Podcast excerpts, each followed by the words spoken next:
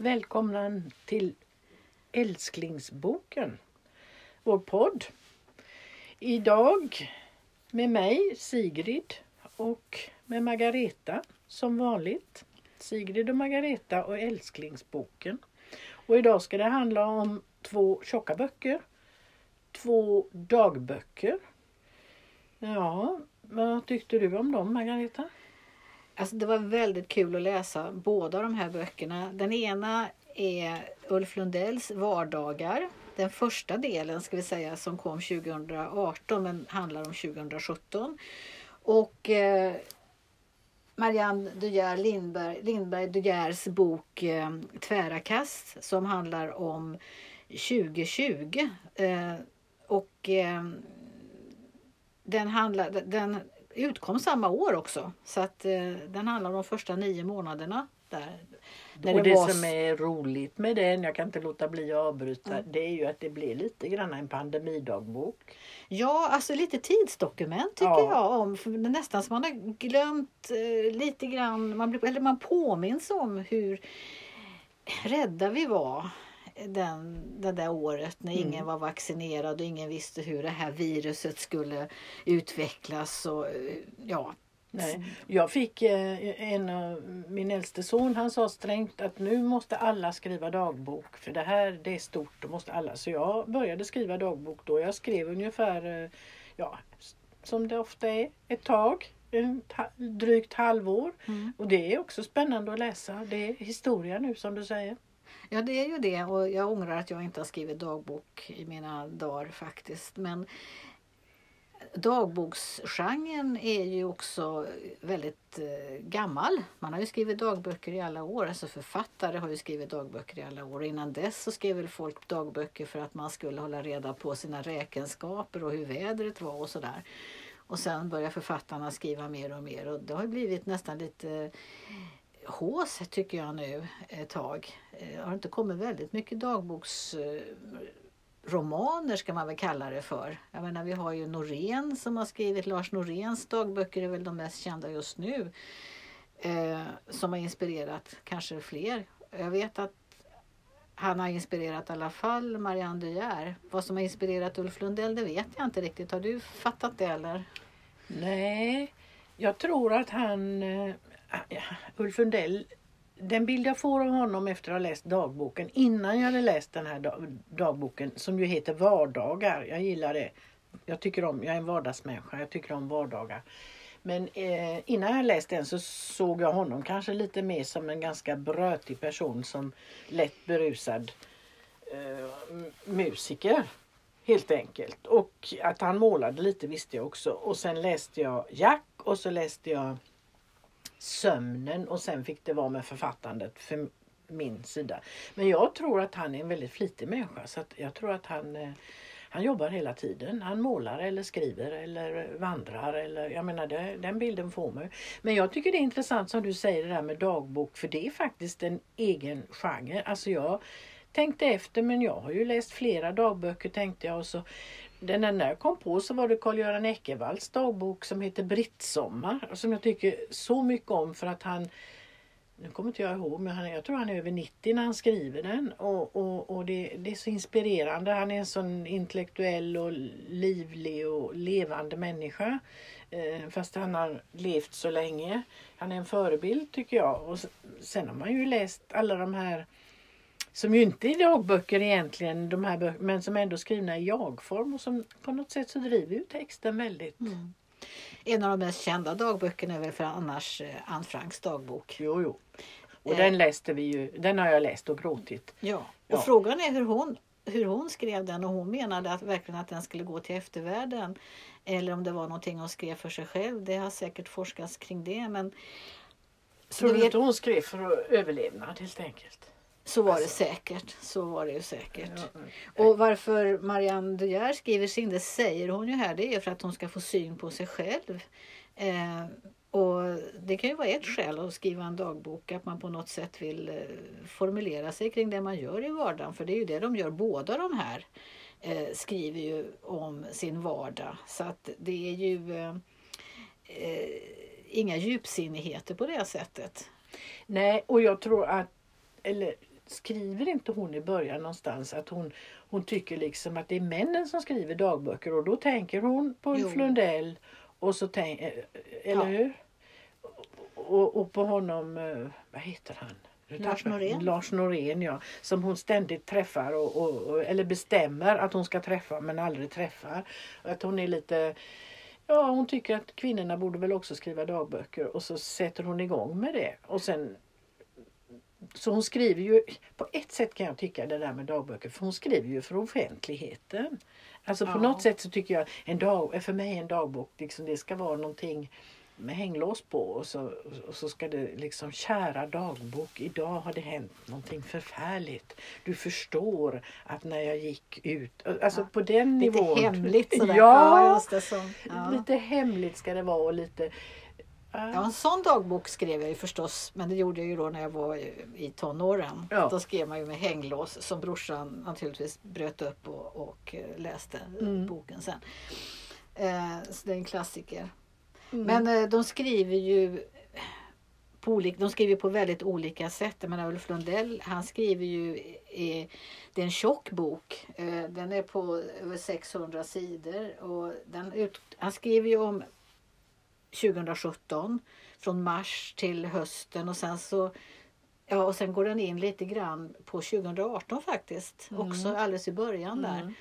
Mm. Eh, och det är daterat, en del delar är daterade och andra är odaterade och det växlar mellan diktform och prosa vilket gör att den blir väldigt eh, omväxlande att läsa. Och Mm. han är ju en ordkonstnär. Han Ja. är ju en ordkonstnär. Han skriver ju fantastiskt både humor, han skriver liksom om eh, han betraktar ju världen, han läser ju nyheter. Han har ju väldigt koll på nyheterna och han recenserar hela den offentliga delen också där om, eh, om medierna. Han skriver om tioåringen i, i Vita huset för det här är första året som Trump härjar. Det var ju på den tiden, Ja. om du kommer ihåg, man vaknar varje morgon och undrar vad den där karln hade ställt till. Ja. Och Ulf Lundell förfasar sig över utvecklingen på många sätt. Och eftersom vi är årsbarn han och jag faktiskt, han är född 49 precis som jag, så var det så lätt att följa honom så man har ju lite samma eh, referenser. Mm. Ja, och du är ju bara ett år äldre. Så jag menar, det är, vi, vi är ju samma generation som han. Ja, ja. Och även Marianne, för Marianne är ju tre år äldre än uh, Ulf Lundell. Så att det är ju samma generation som... Men det som är med Ulf Lundell också, nu säger han är ordkonstnär, det, det märks att på något sätt att han är musiker. Du säger hur, hur tjock Ja. boken är, hur många sidor, men man ska ju komma ihåg att det är ju skrivet liksom det, bara i mitten, eller vad jag ska säga. Alltså det är ju lite som, ser ut som lyrik när man öppnar boken. Och, och det är väldigt eh, me- melodiskt på något sätt att läsa det. Sen tycker jag, jag blev lite full i skratt för när jag var på biblioteket kunde jag inte hitta dem och då frågade jag, de står som lyrik Ja, hans eh, dagböcker. Jag tycker det är konstigt. Och hennes står som konstnärsbiografi. Så det står under, under konst på biblioteket. Och, eh, Ja. alltså man, ja. de, de, har ingen, biblioteket har ingen klassificering för dagböcker eller memoarer eller sådär speciellt då. nej. De tillräckligt, tydlig, är väl tydligen inte tillräckligt många för det men ja. Men de skriver ju om också hur de jobbar med sin, sitt konstnärskap. Nu är det två helt olika konstnärer. Men det som var roligt att läsa i Marianne De Geers bok var ju att hon som då lärare på Konstfack ville bjuda in Ulf Lundell för att han skulle få prata om sitt måleri. Mm. Men inom konstnärsvärlden så ser man ju ner på Ulf Lundells måleri. Man anser inte att han är någon riktig konstnär. Även om han nu har ett galleri där nere i Skåne och så. Och han producerar ju väldigt mycket.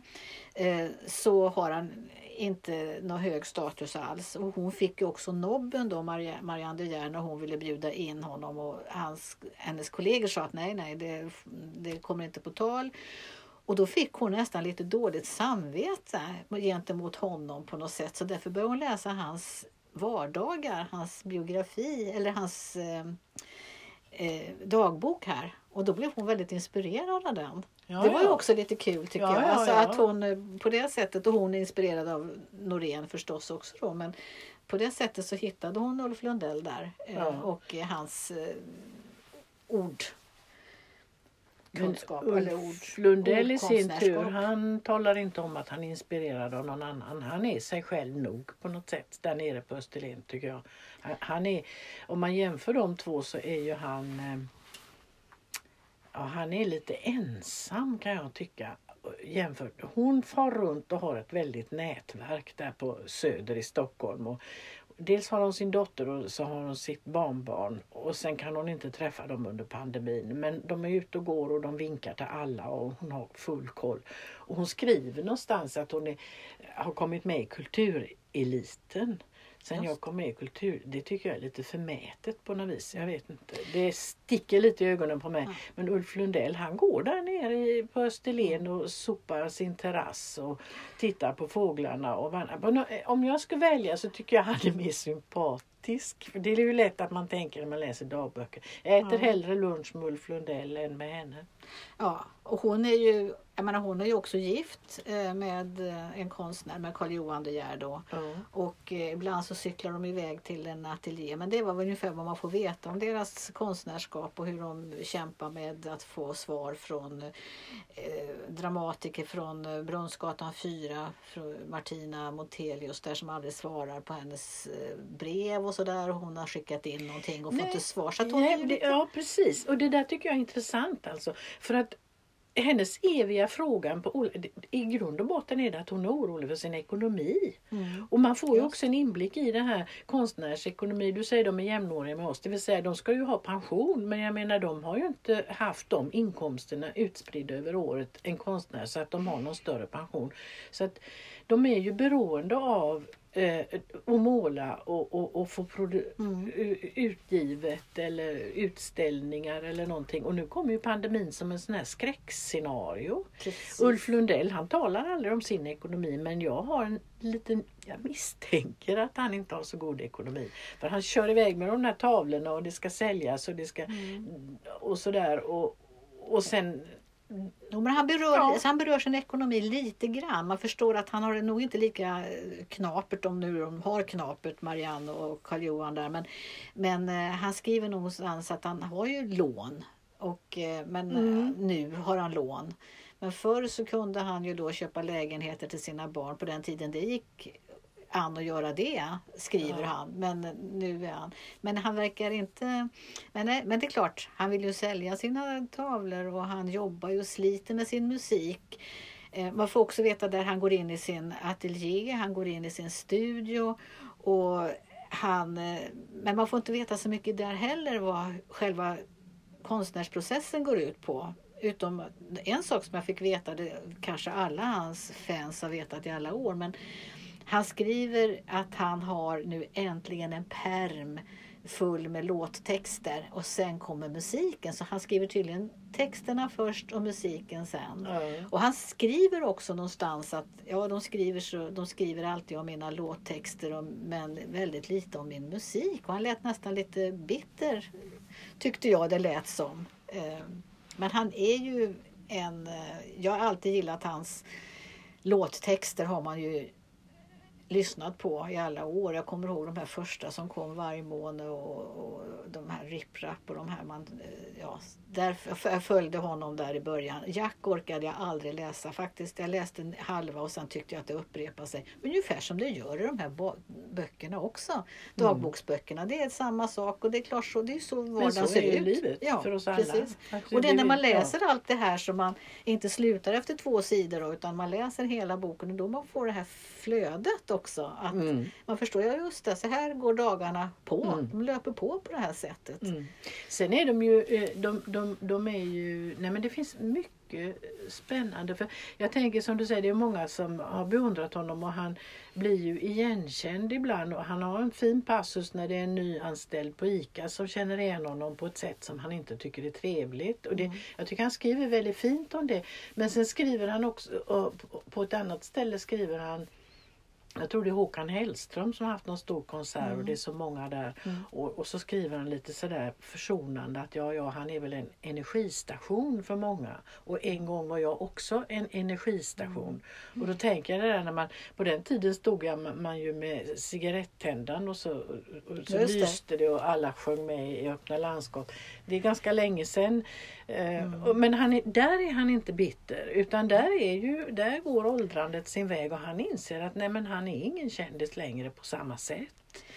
Och, och, utan det flyter medan hon Marianne Lindberg De Geer, hon, jag tror hon, har, hon mera är så mån om att vara med i någon sorts sammanhang. Så där blir det lite skvallerintressant liksom när hon är ute, de äter middag, de är hembjudna till folk man har läst om och så. så ja, Ja, det är någon har- inre krets som är viktig att vara med i. Ja, även hon, precis som Ulf Lundell då, så kommenterar hon ju världsläget lite grann. Men inte alls han men inte alls på det sätt som han gör. Utan hon är mer inne på de här kultursidorna och eh, de här kulturpersonligheterna som hon ju känner och som Mm. yttrar sig i pressen. Och det är artiklar och det är motartiklar och det är hon, som sagt det som du säger, hon vill vara inne i något sammanhang. Ja, Sen och- känns det en ganska sluten värld för en annan. Medan Ja. eh, Ulf Lundell, han som sagt, det som du säger, han går där i sitt hus, han är väldigt, känns väldigt ensam. Han är ju också gift i början av boken, i alla fall i början av året. Han skiljer sig i slutet där. Men det verkar inte vara någon sån där dramatisk skilsmässa utan lite mer stillsam, sorgsen, eh, vemodig så. Men han, han kommenterar ju världsläget men han kommenterar ju aldrig sina vänner. Nej. Alltså han hänger ju inte ut en enda person. Han utom- möter Claes Östergren en gång på vägen när de kör bil bägge två. Ja. Och de möts med bilarna och då stannar de bilarna och vevar ner rutorna och utbyter några fraser. Det är något som har hänt och sen kör de vidare. Det, det är så mycket som, och då tänkte jag på det Claes Östergren bor också där nere. Nej det är en väldig eh, det, det är två olika sätt att leva sina liv och det, där är ju han också eh, ett med naturen. Då får man, alltså han, Ja. han får ju ut väldigt mycket av sina promenader i parken som han säger. Det är ju där eh, Stenshuvud då som Mm. han går med, med stavar. Det tycker jag, det blir jag lite imponerad Ja, av ja. för det tycker jag är så töntigt. Men får man inte säga. Men, ja.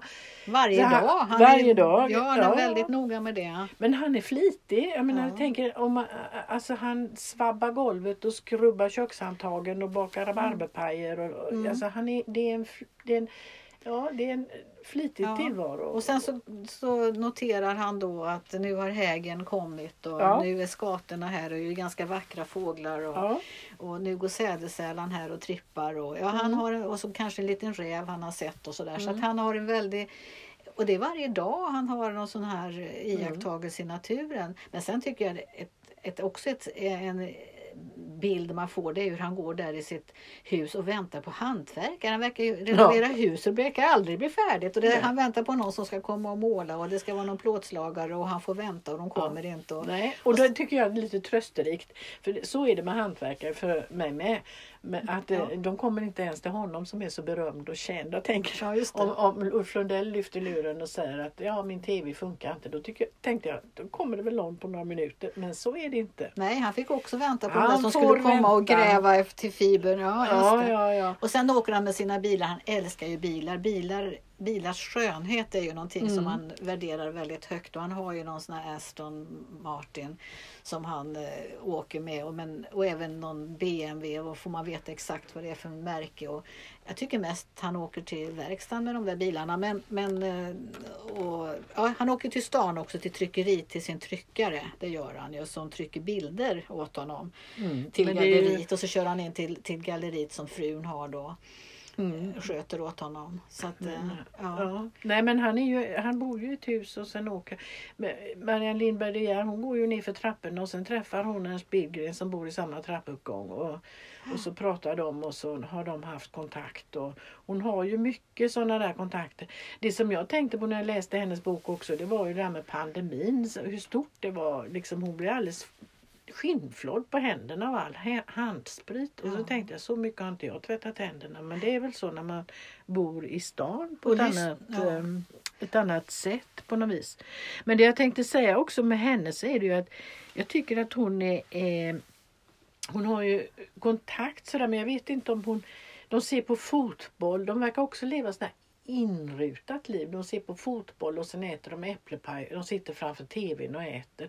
Och sen på kvällen när de ska somna då läser de och så delar de på en halv imovane. Mm. Och det, det, det, är tydligen för att somna in och det är lite gulligt sådär. De har ett väldigt fint förhållande. Han, och, vad heter det? Hon och Karl Johan. Ja. Man får inblick i ett sånt där gammalt troget äktenskap. Ja. Till skillnad då från Ulf Lundell som kan berätta om sina olika, eller sina, han har inte så många, en, men, men han har ändå skilt sig. Och, och barnen, jag, tro, jag tror att han inte skriver om barnen av respekt för, eh, han vill inte lämna ut det. Alltså det här är ändå skrivet för publicering och det är inga skvallerböcker. Nej. Jag tycker lite är Marianne Lindberg De Geers lite skvaller men, men det är inte mycket skvaller man får till livs. Alltså. Nej, det är nej. det faktiskt inte. Men även Ulf Lundell tittar ju väldigt mycket på sport. Han försöker ja, följa jo, de här fotbollsserierna. Även han har ju insomningstabletter eller sömntabletter och har problem med det.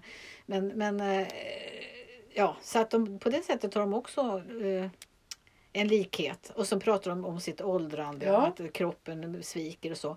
Och så skriver de ju väldigt mycket om sitt läsande, vad de läser för ja. någonting. Ulf Lundell han läser ju mycket filosofi som han försöker begripa sig på. Jag tror han begriper mer än vad han låter antyda där.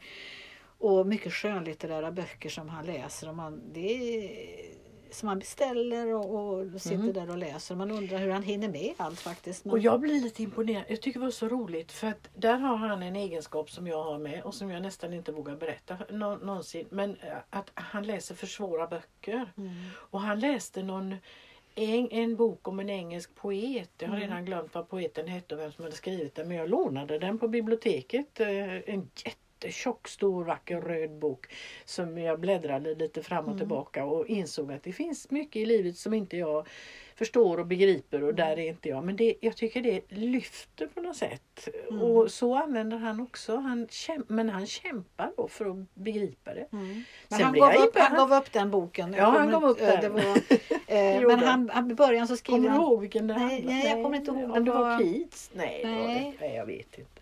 Ja. Men då, det, det är ju Ja. Men jag har blivit inspirerad av faktiskt också, han lyssnar ju väldigt professionellt på musik. Ja, eh, han lyssnar ju då på, han säger det där riffet det var fantastiskt mm. och det där och Patti Smith det ska jag eh, sno utav henne. Och, mm. Så han, han lyssnar ju på ett, naturligtvis han är ju musiker så att eh, jag har blivit inspirerad av att lyssna på musik när jag har läst honom. Och mm. likadant Marianne De Geer, hon skriver någonstans att det var en skiva, hon, en, en låt som heter Magic Woman som hon skrev, den spelar jag tre gånger i rad. Och då tänkte jag oj, det måste jag lyssna på. Och det mm. var, Men du har inte börjat titta på fotboll? Eh, inte mer än vanligt, nej. nej. För där är de ju som sagt. Nej men alltså tiden det bara går. Men det som inte, de, de är ju också att de tar upp det där med och, och hur det är att bli gammal det, jag kan beundra Marianne för att hon har ju varit jättesjuk och det pratar hon inte så mycket om eller så. Hon biter ju ihop verkligen. Hon har haft en svår cancer. Och, och, hon klar, och de är ute och går också och tränar. Och väldigt medvetna mm. så här. Och där skriver hon någonstans också eh, att eh, Förr i världen så åt man för det var gott och man eh, gick för att man skulle någonstans. Men nu för tiden så äter man för det ska vara nyttigt och sen rör man sig för att man måste. Mm. Och där är hon lite, lite, lite bitter sådär någonting. Men det är väldigt lite. Utan det är mer en, hon har en rädsla för, mm. alltså hon inser att livet kommer ta slut. Karl Johan är ju mycket äldre än henne och den här pandemin mm. gjorde ju, de blev ju 70-plussare bägge två. Mm. Men han är ju 80 plus och dessutom med astma. Mm. Så att de, det är också intressant så tillvida att eh, ja, konsekvenserna av alla restriktionerna lite grann får man i mm. hennes bok. Mm. Sen är det som sagt, varför heter den tvära kast? Det tycker jag är intressant. Jag tror att det är för att ena sekunden så är det de här funderingarna över livet och, mm. och så. Och andra sekunden är det hur mycket spaghetti ska jag beställa från Hemköp. Ja. Alltså. Hon handlar ju väldigt mycket överhuvudtaget. Eh, hon shoppar och, ja. och shoppar och lämnar tillbaka. Ja. Och har sig. Så det var intressant att veta vad hon egentligen tycker själv att hon fick för bild av sig eh, när hon hade skrivit den där. boken. Mm. Eh, och sen undrar man ju i båda fallen lite vad är det de har undanhållit oss och vad är det som kan, det ha, kan de ha friserat någonting eller så. Men hur som helst så har det varit jättekul att läsa de här tycker jag. Ja, det har varit givande var det en på sitt sätt här. Ja. Eh, och Ulf Lundell kan man ju alltid njuta av hans språk om, man, eh, om inte annat i hans dikter. Vi får sluta med detta. Lovorden. Läs gärna dem. Och börja gärna. Man kan bli inspirerad och börja skriva själv. Lite dagböcker skadar aldrig. Tack för idag. Tack du ha.